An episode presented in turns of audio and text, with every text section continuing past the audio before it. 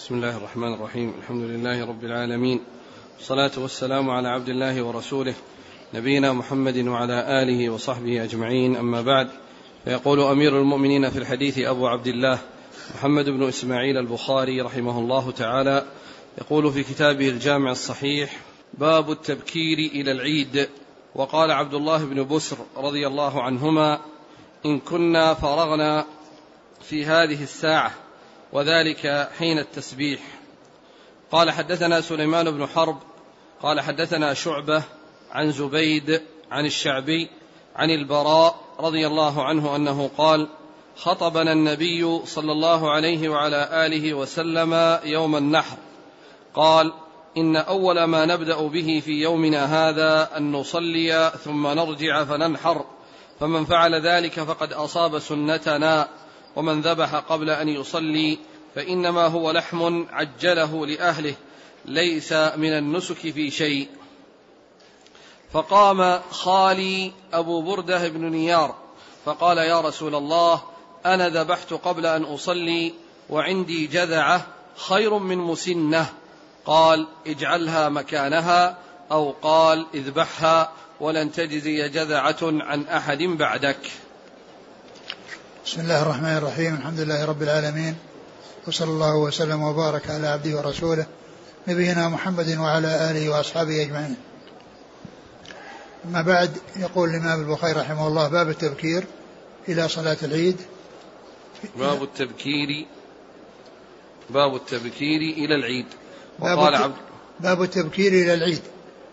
آه المقصود من هذه الترجمة أن العيد يبكر إليها و آه وقد جاء في بعض الأحاديث التي فيها كلام أن هذا إنما يكون بالنسبة لعيد الأضحى لأنه إذا بكر يعني بها اتسع وقت الذبح.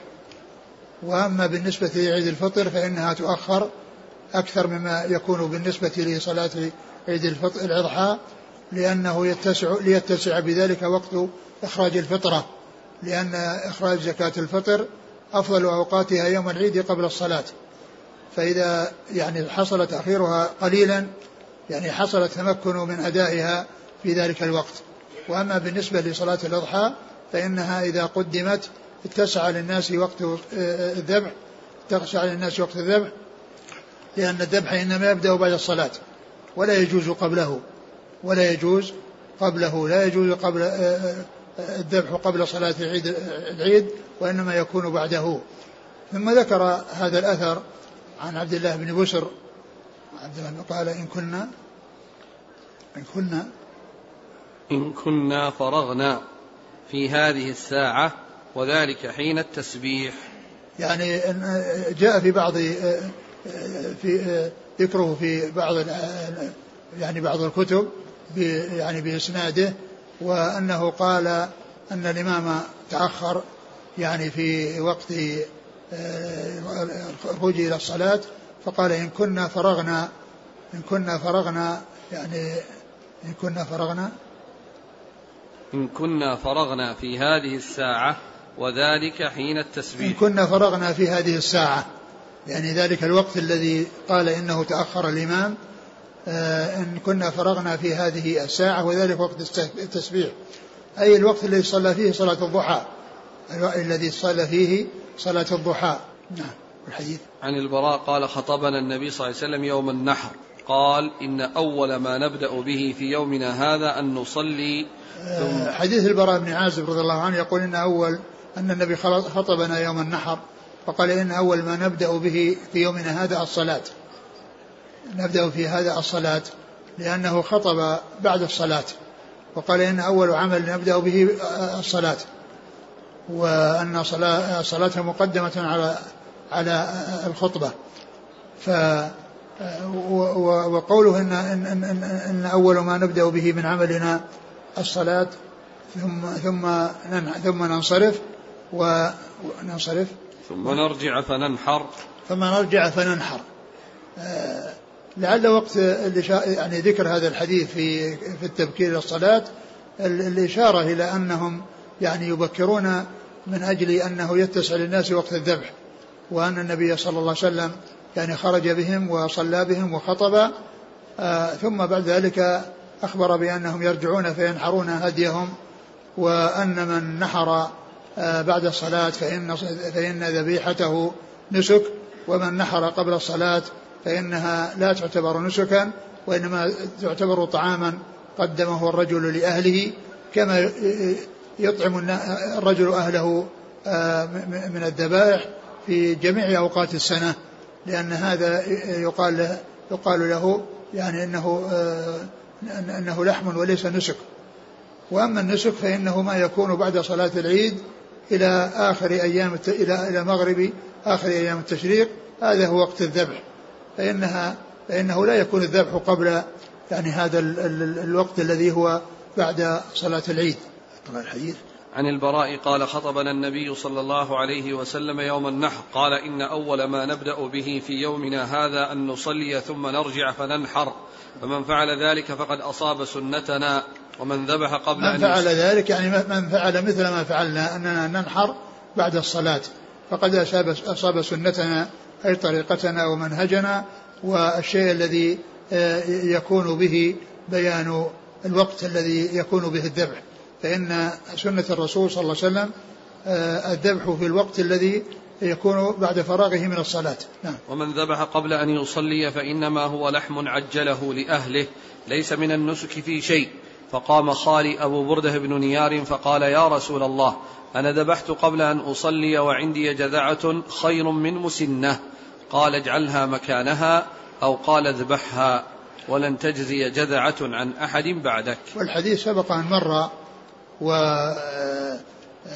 سبق أن مر هذا الحديث في يعني في بعض الأبواب السابقة وعرفنا أن أن أن هذا الحكم إنما هو خاص في هذا الرجل وأنه لا يجزي عن أحد بعده وهو أن يذبح جذعة من من من المعز وإنما الذي يجزئ من من من الغنم الجذع من الضأن. وأما الجذع من المعز فإنه لا يجزئ وإنما يجزئ المسنة التي مضى عليها سنة. ولكن هذا الرجل آه، خص بهذا الحكم وأذن له بهذا الحكم وبين عليه الصلاة والسلام أنه لن يجزي أحد لن يجزي عن أحد غيره والمعنى أن هذا الحكم يعني باق وهو أن أنه يجزئ من الضأن الثني الجذع ومن غير الضأن آه، الثني. وأن الثنية من المعز هي التي تجزئ وأما الجذعة فإنها لا تجزئ إلا لهذا الرجل. لا تجزئ إلا لهذا الرجل. وعرفنا أيضا فيما مضى أن هذا العمل الذي عمله ذلك الصحابي وأراد به النسك أنه لم يعتبر نسكا لأنه لم يقع موافقا للسنة. وعرفنا أيضا أن أن أن أن الإنسان إذا عمل عملا غير موافق للسنة فإنه لا يعتبر ولو كان قصده ولو كان قصده حسنا لأن هذا الرجل كان قصده حسنا وهو أن تكون ذبيحته آه، أول ما يؤكل لأن اللحم يشتهى في ذلك اليوم فإذا إذا بودر به آه، حصل الاستفادة منه فاجتهد هذا الاجتهاد وقصد آه، هذا القصد الطيب ولكن النبي صلى الله عليه وسلم لما علم أخبره بأن ذلك لا يجزئ وأن شاته آه، شاة لحم وليست وليست نسك. ففي هذا دليل على أن العمل الذي يتقرب به إلى الله عز وجل لا يكفي فيه حسن القصد وإنما لا بد فيه من موافقة السنة. قال حدثنا سليمان بن حرب عن شعبة نعم. عن زبيد. شعبة بن الحجاج وزبيد اليامي. عن الشعبي. آه، عامر. عامر بن شراحيل عن البراء. نعم. يقول السائل الذي لم يصلي العيد متى وقته ليضحي؟ إذا إذا إذا إذا حصل إذا فرغ من صلاة العيد في إذا فرغ من صلاة العيد جماعة هذا هو وقته. أما إنسان يعني لم يصلي العيد فإنه يعني لا يفعل إلا إذا خرج الناس إذا فرغ الناس من صلاة العيد. ممكن تكون مسألة تقديرية الآن إذا ارتفعت الشمس قدر رمح بعدها مثلا بعشر دقائق أو كذا. العيد العيد ينبغي أن يحرص عليه وأن يهتم به. والرسول صلى الله عليه وسلم أمر بإخراج العواتق وذات القدور وأن الحجض كذلك يخرجن ويعتزلن المصلى ليشهدن الخير ويحصلن البركة في في ذلك اللقاء. فلا يصلح أن الإنسان يتأخر عنه. وإنما إذا إذا عرف الإنسان وتحقق أن الناس خرجوا من صلاة العيد فإنه فإنه يذبح. نعم. قال رحمه الله تعالى باب فضل العمل في أيام التشريق. وقال ابن عباس واذكروا الله في أيام معلومات أيام العشر والأيام المعدودات أيام التشريق. وكان ابن عمر وأبو هريرة رضي الله عنهما يخرجان إلى السوق في أيام العشر يكبران ويكبر الناس بتكبيرهما. وكبر محمد بن علي خلف النافلة. قال حدثنا محمد بن عرعرة قال حدثنا شعبة عن سليمان عن مسلم البطين عن سعيد بن جبير عن ابن عباس رضي الله عنهما عن النبي صلى الله عليه وعلى آله وسلم أنه قال ما العمل في أيام العشر أفضل من العمل في هذه؟ قالوا ولا الجهاد؟ قال ولا الجهاد إلا رجل خرج يخاطر بنفسه وماله فلم يرجع بشيء. ما العمل؟ قال ما العمل؟ ما العمل في أيام العشر أفضل من العمل في هذه؟ آه، أورد البخاري رحمه الله آه، آه، باب. باب العمل في باب. باب فضل العمل في أيام التشريق. أيام التشريق هي الثلاثة التي هي الحادي عشر والثاني عشر والثالث عشر ومثلها يوم العيد لأنه بمعناها من حيث من حيث التشريق الذي هو الذي هو الذبح والذي كانوا يشرقون فيه اللحم.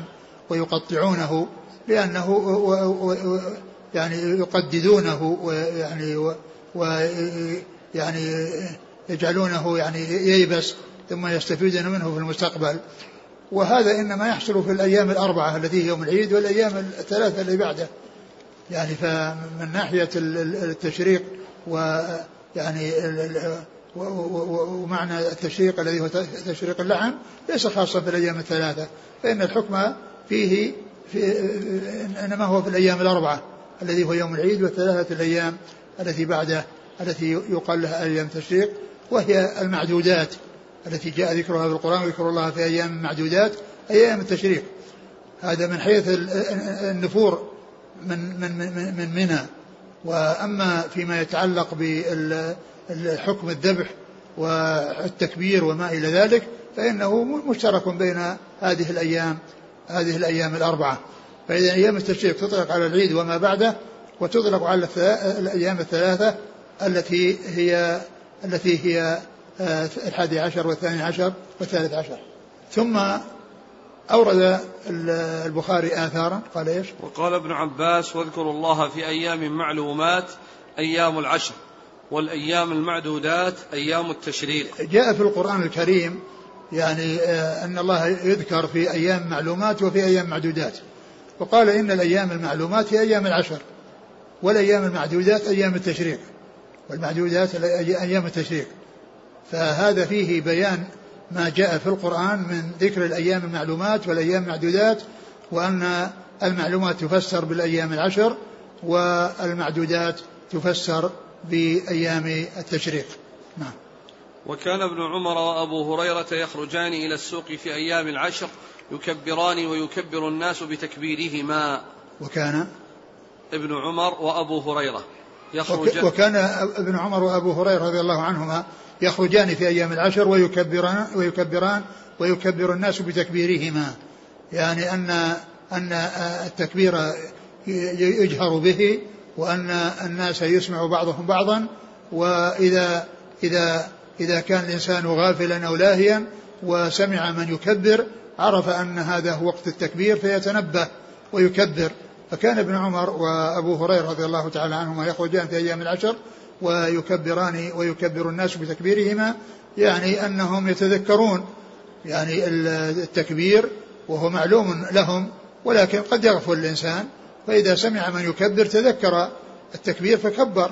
فكان يكبران ويكبر الناس بتكبيرهما يعني أنهم يتذكرون فيكبرون.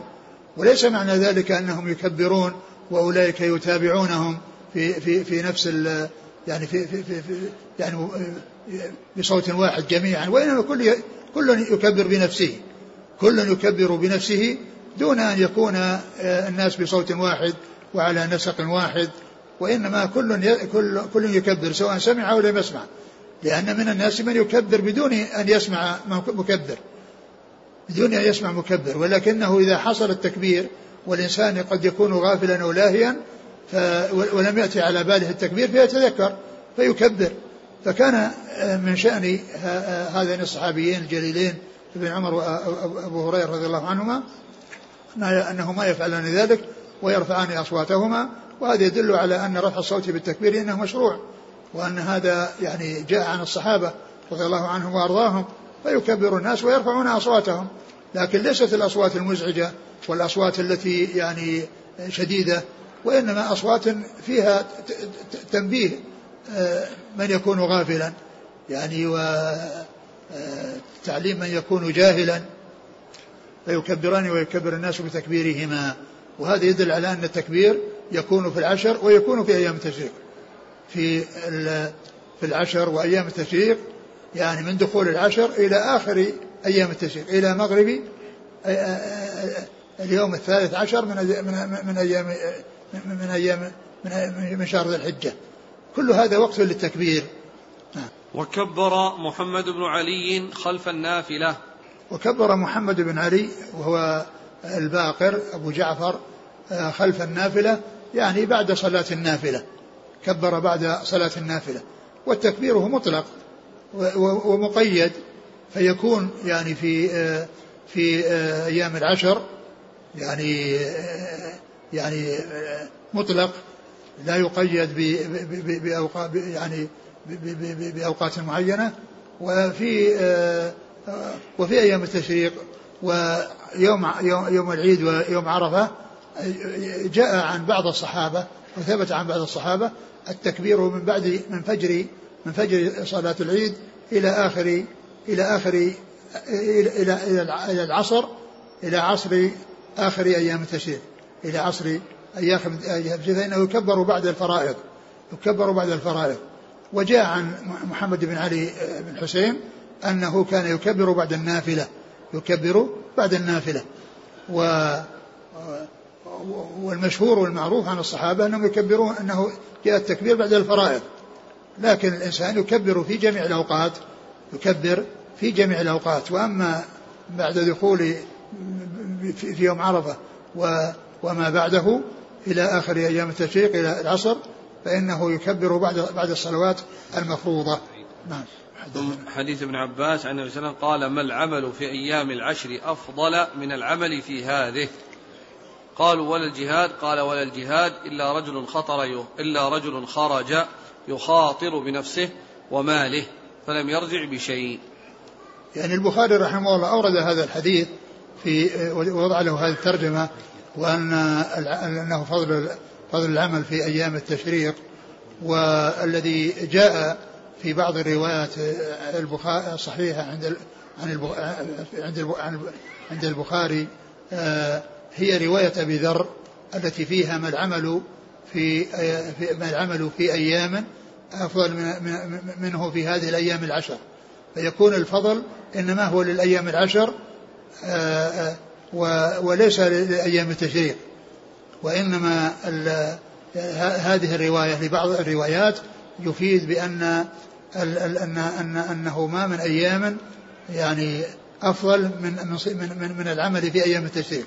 لكن رواية أبي ذر التي ذكرها ابن حجر وقال إنها إن رواية هذه الرواية شاذة آه، التي التي هنا التي آه، إحدى الروايات أنها شاذة وأن المعتمدة وأن المحفوظة وأن الصحيحة التي يصح من غيرها هي التي هي التفضيل لأيام العشر. ما من أيام العمل الصالح فيها أحب إلى الله من هذه الأيام العشر من هذه أيام العشر. ولكن من ناحية من ناحية الفضل كل منهما فضيلة لأن أيام العشر يوقع فيها الحج وأما أيام التشريق يعني يكمل فيها الحج ويؤتى بالأشياء المكملة للحج مما ليس بركن لأن الركن هو الوقوف بعرفة وهو الذي يكون به إدراك الحج. ولكن أيام التشريق يعني فيها آه، فيها النحر وفيها رمي الجمار وفيها المبيت بمنى وأما التكبير فإنه في في العشر وفي في الأيام في الأيام العشر وأيام التشريق وأيام التشريق. وعلى هذا فإن هذا الذي ذكره البخاري في هذا إنما هو تفضيل تفضيل الأيام التشريق وأن العمل فيها أفضل من أيام العشر وفي غيرها. ولكن الرواية التي ذكرها عن أبي ذر هي أن التفضيل إنما هو للأيام العشر. والأيام العشر كما هو معلوم يعني فيها ما ليس في أيام التشريق لأن أيام التشريق لا يكون فيها صيام ويحرم الصيام وأما أيام العشر فإنه يعني الصيام آه، آه، فيها مستحب وهو آه، ومن جملة الأعمال التي قال ما من أيام العمل الصالح فيها أحب إلى الله من هذه الأيام العشر.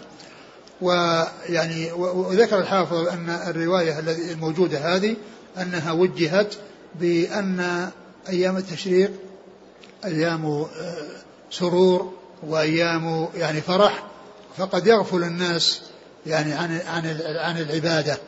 يغفل الناس عن العبادة فيكون العمل فيها من هذه الناحية أفضل.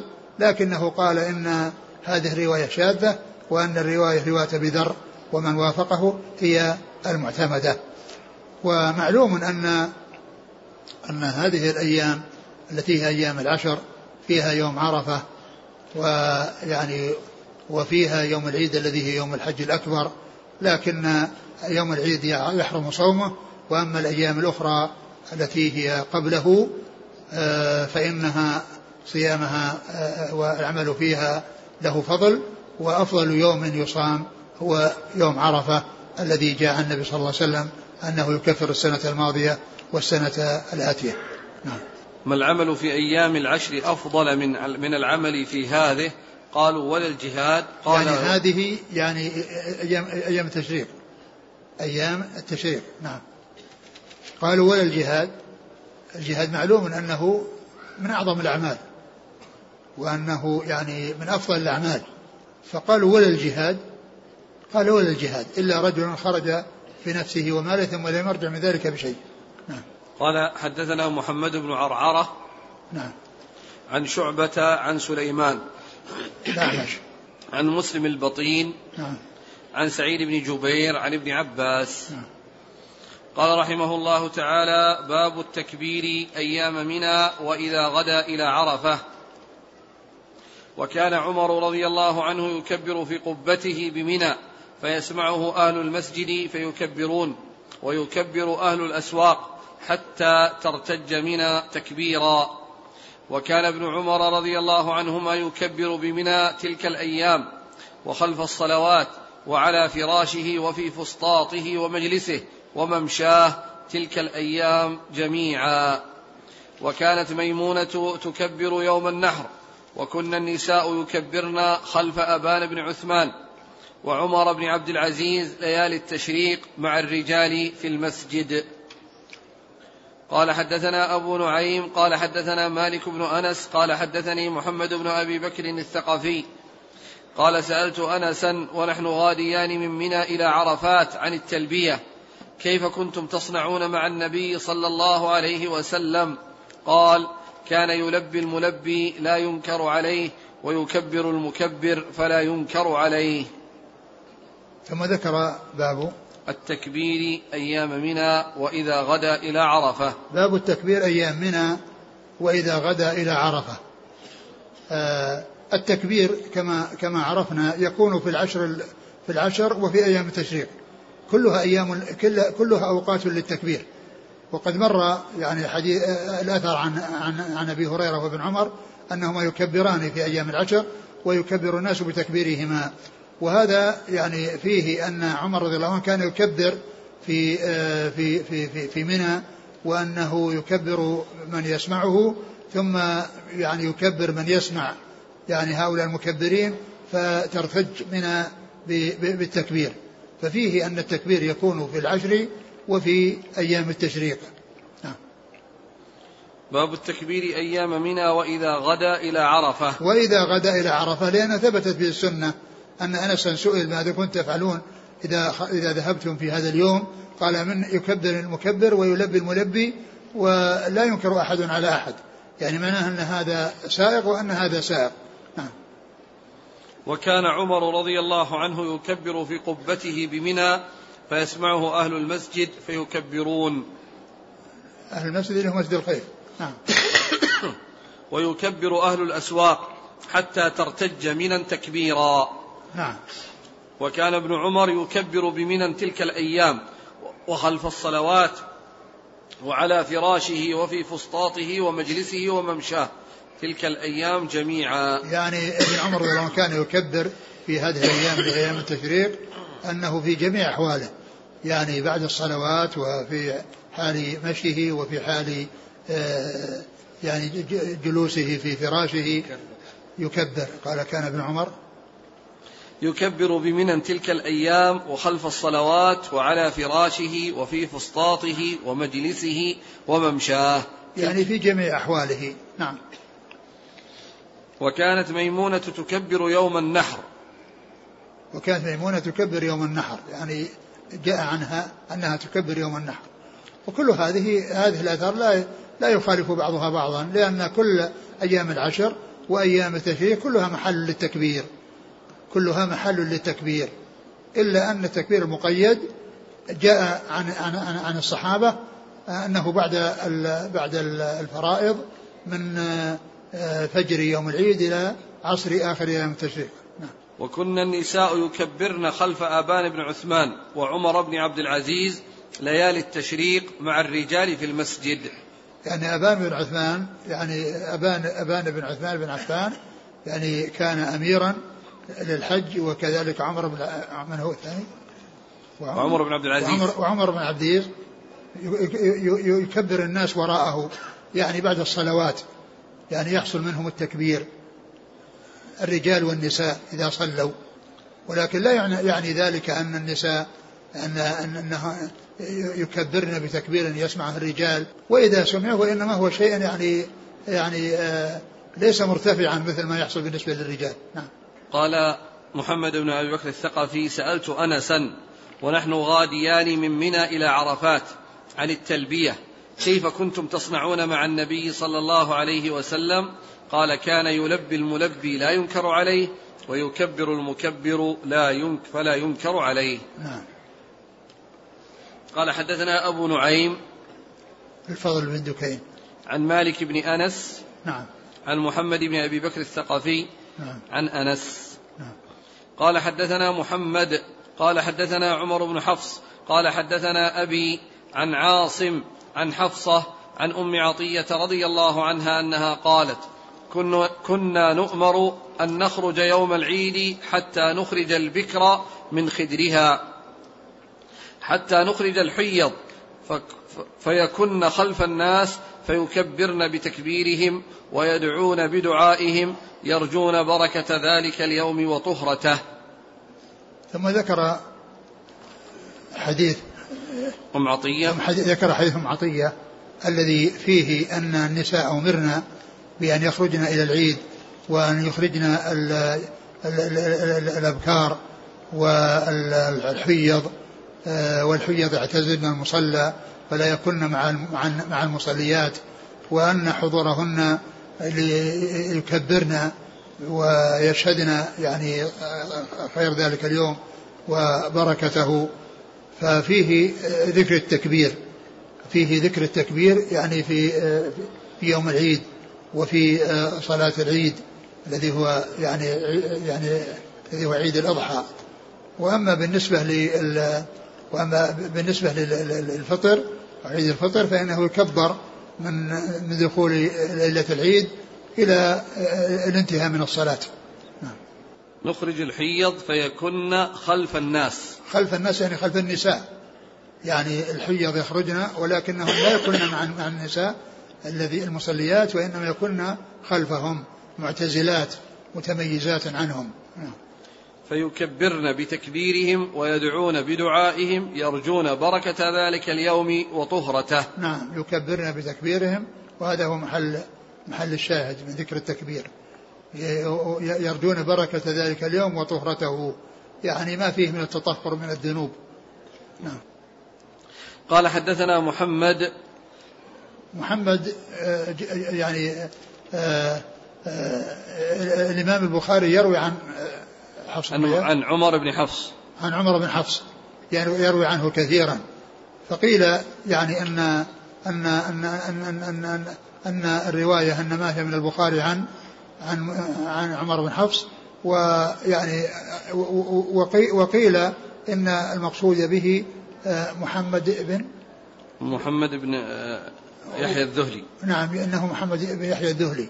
لكن الحافظ يقول حجر الصواب أن أن أن, أن الرواية من البخاري عن عن عمر بن حفص. عن عمر بن حفص. نعم. يعني اذا محمد أراد به البخاري محمد بن إسماعيل. نعم يعني يريد به قاله أحد تلاميذه.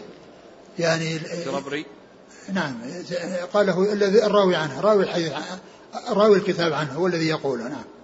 عن عمر بن حفص نعم. عن أبيه. نعم حفص بن بن غياث. نعم. عن عاصم. بن سليمان الأحول. عن حفصة. بنت سيرين. عن أم عطية. نعم. قيل اسمها نسيبة بنت كعب. نعم. قال رحمه الله تعالى باب الصلاة إلى الحربة يوم العيد. قال حدثنا محمد بن بشار. قال حدثنا عبد الوهاب. قال حدثنا عبيد الله عن نافع عن ابن عمر رضي الله عنهما أن النبي صلى الله عليه وعلى آله وسلم كان تركز الحربة قدامه يوم الفطر يوم الفطر والنحر. ثم يصلي ثم قال باب الصلاة إلى الحربة يوم العيد باب الصلاة إلى الحربة يوم العيد يعني يجعلها سترة والرسول عليه الصلاة والسلام كانت تحمل معه العنزة أو الحربة فيعني إذا صلى يعني تضرب له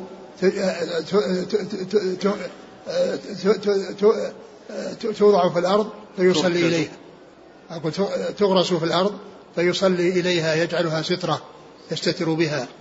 وهذا يدل على أن السترة تكون بأي شيء يعني بارز يعني يتنبه آه، المار على أن فيه سترة فيجتنب آه، المشي بينه وبينها ويمشي من ورائها.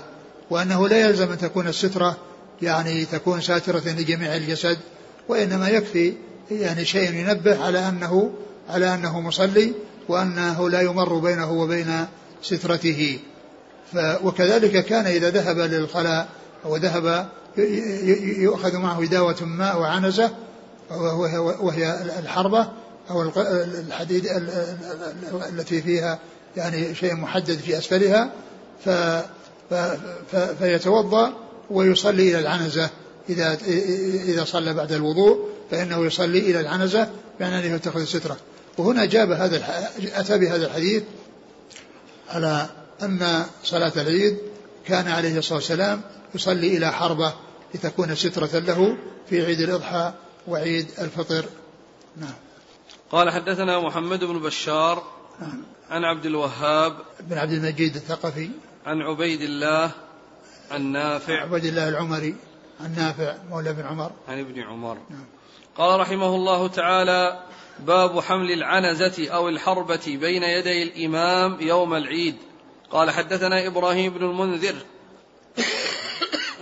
قال حدثنا الوليد. قال حدثنا أبو عمرو. قال أخبرني نافع عن ابن عمر رضي الله عنهما أنه قال كان النبي صلى الله عليه وعلى آله وسلم يغدو إلى المصلى والعنزة بين يديه تحمل وتنصب بالمصلى بين يديه فيصلي إليها.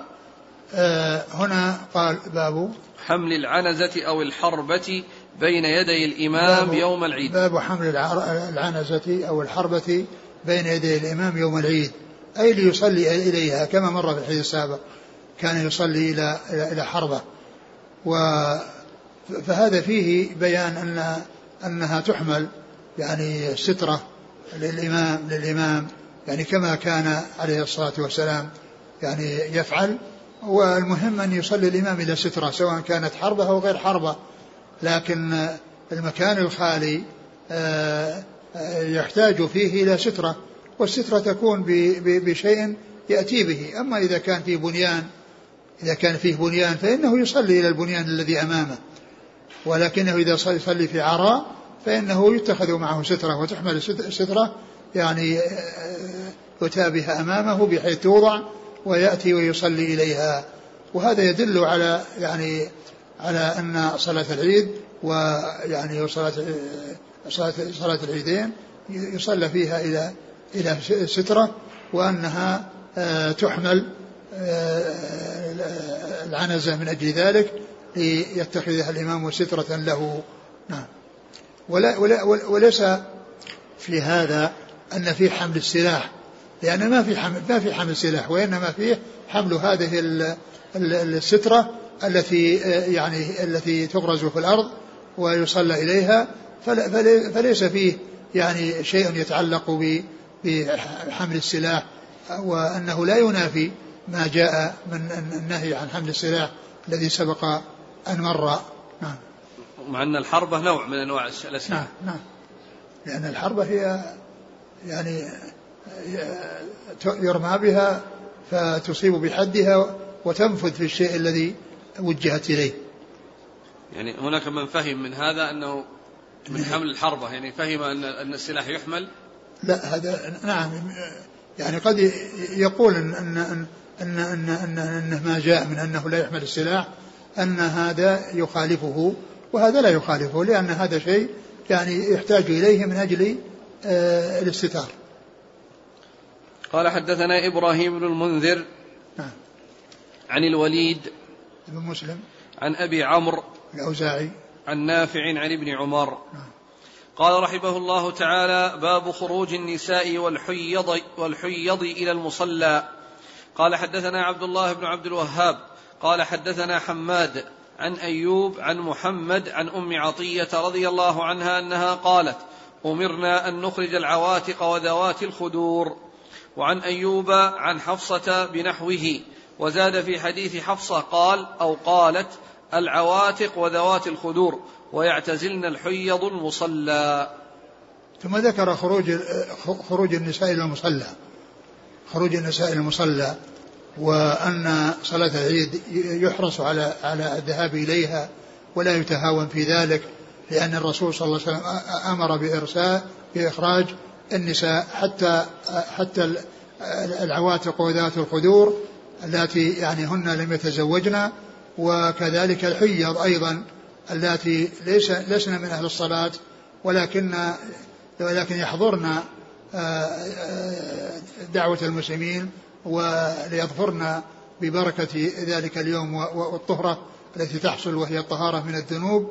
فيكبرن كما يكبر الناس ويسمعن الذكر والخير الذي يعني آه، يلقى في خطبة في خطبة العيد. ففيه خروج الحث على الخروج إلى المصلى من كل أحد حتى الحيض التي لسنا من أهل الصلاة.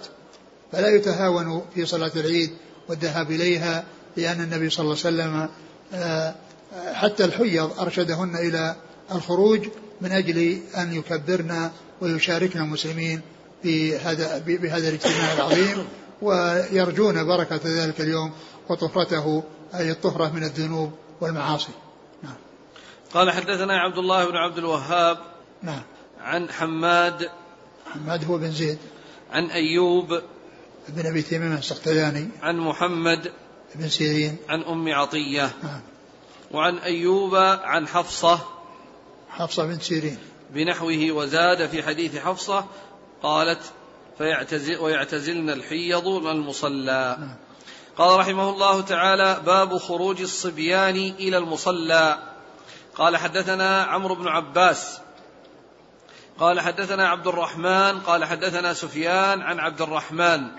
قال سمعت ابن عباس رضي الله عنهما قال خرجت مع النبي صلى الله عليه وعلى آله وسلم يوم فطر أو أضحى فصلى ثم خطب ثم أتى النساء فوعظهن وذكرهن وأمرهن بالصدقة. ثم ذكر باب خروج الصبيان إلى المصلى. باب خروج الصبيان إلى المصلى. يعني أن أن المصلى اي صلاة العيد يخرج لها الجميع حتى الصبيان فإنهم يخرجون. لكن إذا إذا لم يحصل منهم عبث أو يحصل منهم تشويش على الناس أما إذا ومن ذلك فإن هذا يعني مطلوب وينبغي.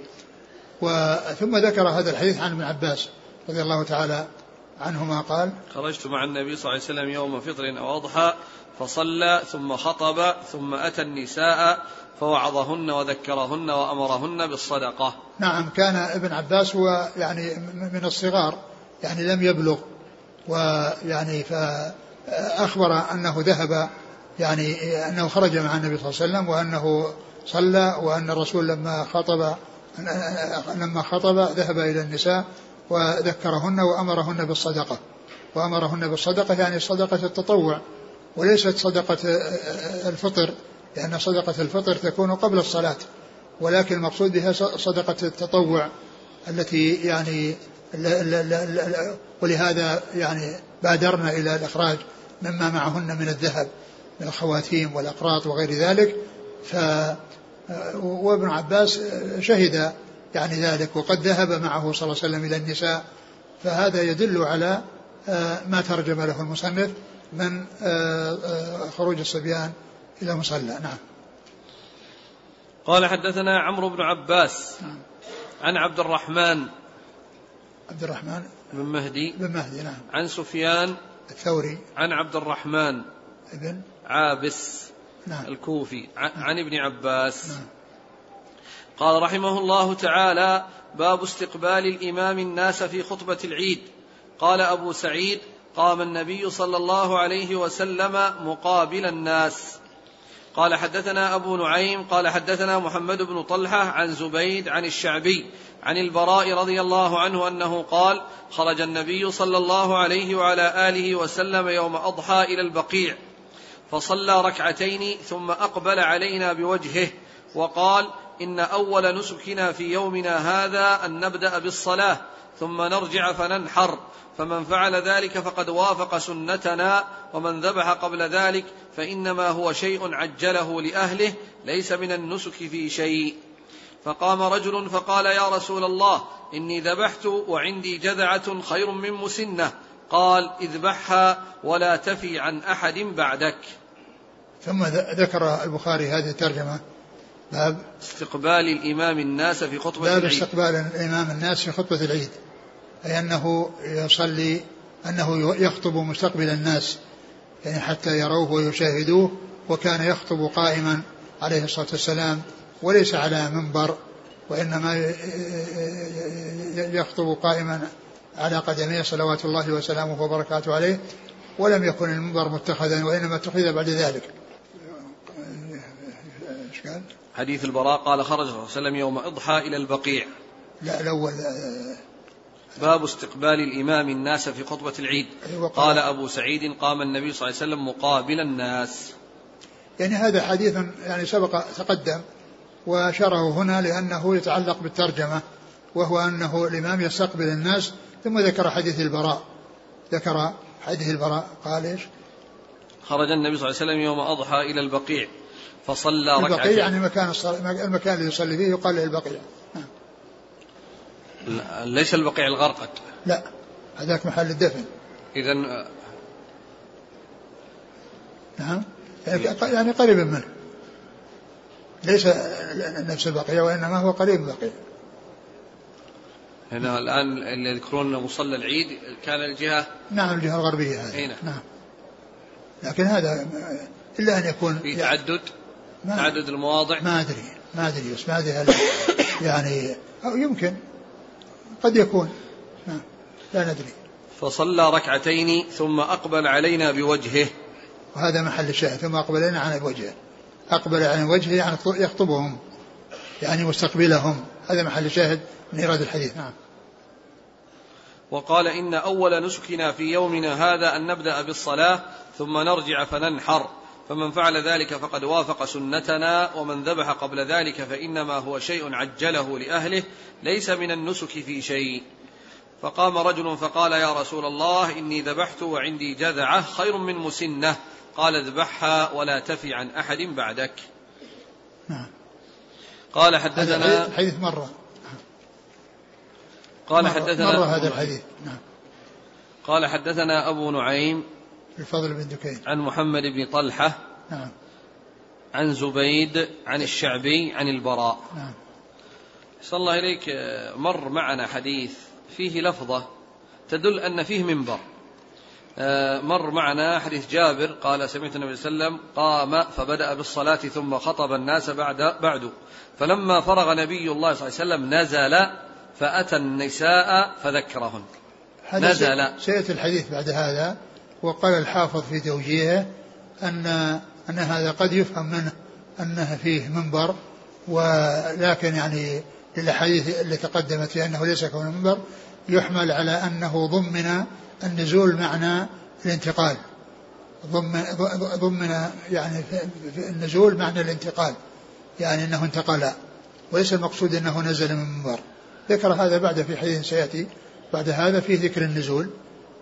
وأوضح يعني الجمع بينهما بأن هذا إنما هو تضمين أو من قبيل تضمين نزل بمعنى انتقل.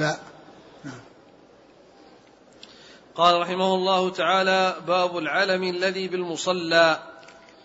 قال حدثنا مسدد قال حدثنا يحيى عن سفيان قال حدثني عبد الرحمن بن عابس قال سمعت ابن عباس رضي الله عنهما قيل له أشهدت العيد مع النبي صلى الله عليه وسلم؟ قال نعم. ولولا مكاني من الصغر ما شهدته. حتى أتى العلم الذي عند دار كثير بن الصلت فصلى ثم خطب ثم أتى النساء ومعه بلال فوعظهن وذكرهن وأمرهن بالصدقة فرأيتهن يهوين بأيديهن يقذفنه في ثوب بلال ثم انطلق هو وبلال إلى بيته. الباب إيش؟ العلم الذي بالمصلى. باب العلم الذي بالمصلى، العلم يعني شيء بارز. يعني شيء بارز. يعني في المصلى. فقال خرج يعني مع النبي صلى الله عليه وسلم وأنه جاء إلى العلم الذي عند دار كثير بن الصلت. عند دار كثير بن الصلت. يعني كثير بن الصلت يعني كان البناء بعد ذلك متأخر ولكنه أشار إلى المكان الذي حصل فيه حصلت فيه الصلاة. وأنه كان يعرف فيما بعد بأنه عند دار كثير ابن الصلت والعلم يعني شيء شيء مرتفع. نعم. قال ولولا مكان في أوله آه. ابن عابس يقول سمعت ابن عباس قيل له أشهدت العيد مع النبي صلى الله عليه وسلم؟ قال نعم. آه. ولولا مكاني من الصغر ما شهدته. إيه، نعم. يعني يعني, يعني معنى معنى أنه صغير. يعني لو إني صغير كنت أصلي ما دريت. نعم. أو ما عرفت المكان. لا. يعني ما كان صغيرا لا, لا يصلي لا, لا يقول إنه عارف المكان ولكن فيه أنه أنه صغير يعني. هو هو يعني يتعلق بالباب الذي قبله الذي خروج الصبيان. فإن هذا شاهد له يعني في كونه صغيرا مكاني من الصغر. المكاني الحافظ الحجر يقول مكاني منه يعني لقرابتي يقول أي حضرته وهذا مفسر للمراد من قوله في باب وضوء الصبيان. أيوة. ولولا مكاني منه. أيوة. ما شهدته. فدل هذا على أن الضمير في قوله منه يعود على غير مذكور وهو الصغر. هذا لأن ذكر الصغر وجاء ذكر بالضمير وأنه غير مذكور هو الصغر. هنا مذكور الصغر. ومشى بعضهم على ظاهر ذلك السياق فقال إن الضمير يعود على النبي صلى الله عليه وسلم. والمعنى ولولا منزلتي من النبي صلى الله عليه وسلم ما شهدت معه العيد. وهو متجه لكن هذا السياق يخالفه. وفيه نظر لأن الغالب أن الصغر في مثل هذا يكون مانعا لا مقتضيا فلعل فيه تقديما وتأخيرا. ويكون قوله من الصغر متعلقا بما بعده. فيكون المعنى لولا منزلتي من النبي صلى الله عليه وسلم ما حضرت لأجل صغري. ويمكن حمله على ظاهره وأراد بشهود ما وقع من وعظه للنساء لأن الصغر يقتضي أن يغتفر له الحضور معهن بخلاف الكبار. إيه نعم. قال حتى أتى العلم الذي عند دار كثير بن الصلت فصلى ثم خطب ثم أتى النساء ومعه بلال. فوعظهن وذكرهن وأمرهن بالصدقة فرأيتهن يهوين بأيديهن يقذفنه في ثوب بلال ثم انطلق هو وبلال إلى بيته. نعم الحديث سبق أن مر. قال حدثنا مسدد عن يحيى.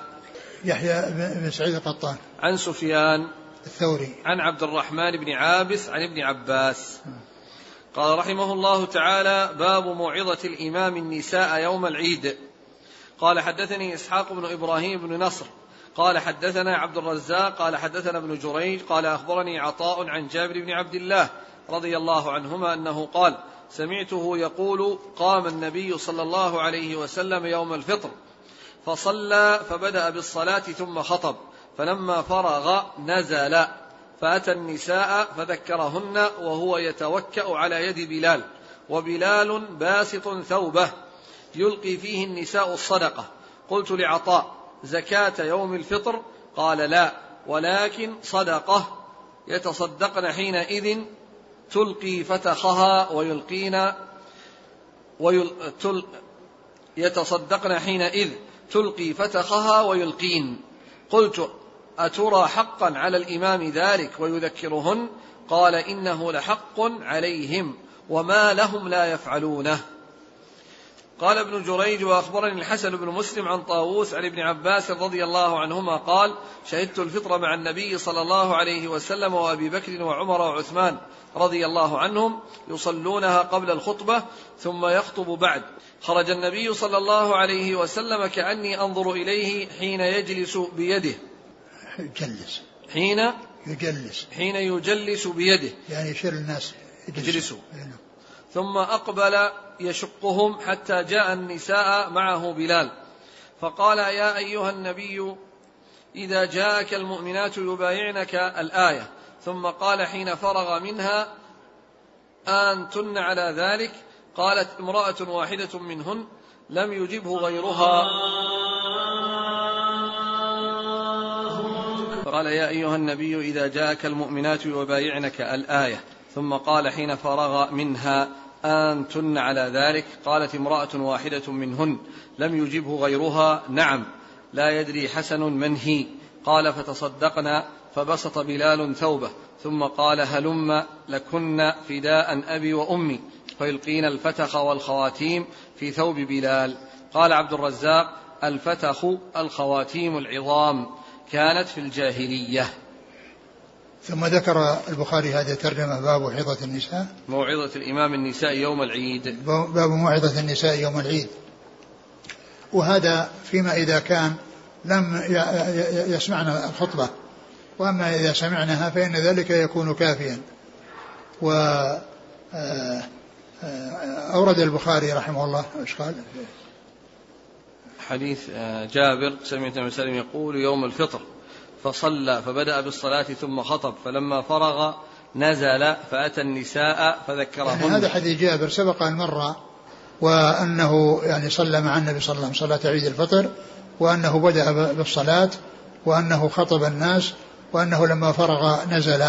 وهذا قال الحافظ بن حجر في الشرح إن هذا لأن العبرة أنه كان سبق المضى الأحاديث الدالة على أنه ليس فيه منبر وأنه لا وأنه لم يعرف ذلك في عهده صلى الله عليه وسلم وإنما عرف بعد ذلك فيكون هذا الحديث الذي فيه ذكر النزول الذي يشعر بأنه يخطب على موضع عالي أنه آه، أن أن أن أنه أن فيه منبر وليس كذلك وإنما آه، يضمن أو يحمل على أن نزل آه، ضمن معنى انتقل يعني ضمن معنى انتقل فيكون الكلام مستقيما وموافقا لما تقدم من حيث أنه لم يكن يخطب على على مكان عالي أو على منبر فيكون التوفيق بين هذا وبين ما تقدم بأن يحمل هذا على التضمين بحيث ضمن ضمن نزل يعني معنى انتقل يعني كان في مكان مستوي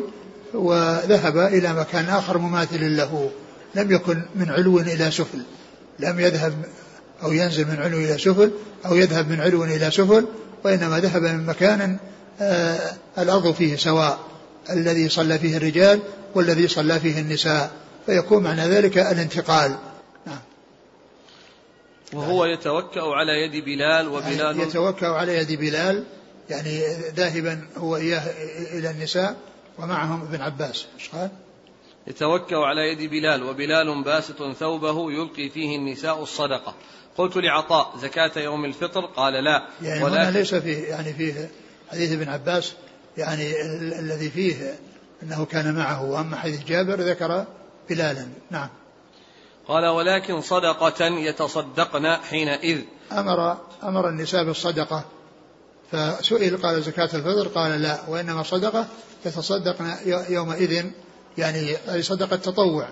ولهذا بادرنا إلى التصدق مما معهن مما معهن من مما من الزينة فكنا يعني يأخذن ويلقين في ثوب بلال نعم. تلقي فتخها نعم. ويلقين فتخها يعني يعني الفتخات الكبار الفتخات الكبار وقيل إنها يعني إن جاء في يعني ذكر أنها في الرجلين وقيل إن المراد بذلك الخلاخيل هي التي تكون في الرجلين. وأما الفتخ فإنما تكون باليدين وتحمل على ما كان كبيرا. نعم. قلت أترى حقا على الإمام ذلك ويذكرهن؟ قال إنه لحق عليهم وما لهم لا يفعلونه. يعني أترى, أترى أن ذلك حق على الإمام أنه يأتي إلى النساء قال نعم إنه حق ولكنه مثل ما كان في عهده صلى الله عليه وسلم. حيث يعني يكن بعيدات يعني لم يسمعنا الخطبة. والحافظ بن حجر ذكر في الترجمة يعني في أول في الحديث قال إذا, إذا يعني إذا لم يسمعنا وكذا. نعم إذا لم يسمعنا الخطبة. نعم. قال ابن جريج وأخبرني الحسن بن مسلم عن طاووس عن ابن عباس قال شهدت الفطرة مع النبي صلى الله عليه وسلم وأبي بكر وعمر وعثمان رضي الله عنهم يصلونها قبل الخطبة ثم يخطب بعد. خرج النبي صلى الله عليه وسلم كأني أنظر إليه حين يجلس بيده يعني أنه حين يجلس الرجال الذي كان يعني وهو في طريقه إلى النساء يجلسهم لأنهم يعني قاموا فأراد أنهم يعني يبقون يعني وكأنه قيل أنهم قاموا ليذهبوا معه فالرسول صلى الله عليه وسلم يعني صار يجلسهم ويشير بيده إلى الجلوس نعم. ثم أقبل يشقهم حتى جاء النساء معه بلال. فقال يا أيها النبي إذا جاءك المؤمنات يبايعنك الآية. وهذا فيه ذكر يعني المبايعة أو ذكر الآية في هذا الموطن الموطن في هذا المكان وأن واحدة منهن لم يقل ذلك غيرها قالت نعم. وهذا يفيد بأن بأن أن, أن, الجماعة إذا كانوا مع بعض وقيل لهم شيء فقال واحدهم نعم والباقون سكتوا يعني معنى ذلك أنهم موافقون وأن أنه أجاب بعضهم وأنه يعني ليس بلازم أن يكون يعني آآ آآ أن يكون الجميع يعني يأتون بذلك. إن أتوا به نعم وإن لم يأتون به ولكنهم سكتوا وأن بعضهم يعني قال والباقون سكتوا فيكون ذلك موافقة منهم وأنه آه، أتى بالشيء الذي آه، يريدون أن يأتوا به. نعم. قال حين فرغ منهن أنتن على ذلك؟ قالت امرأة واحدة منهن لم يجب غيرها؟ نعم.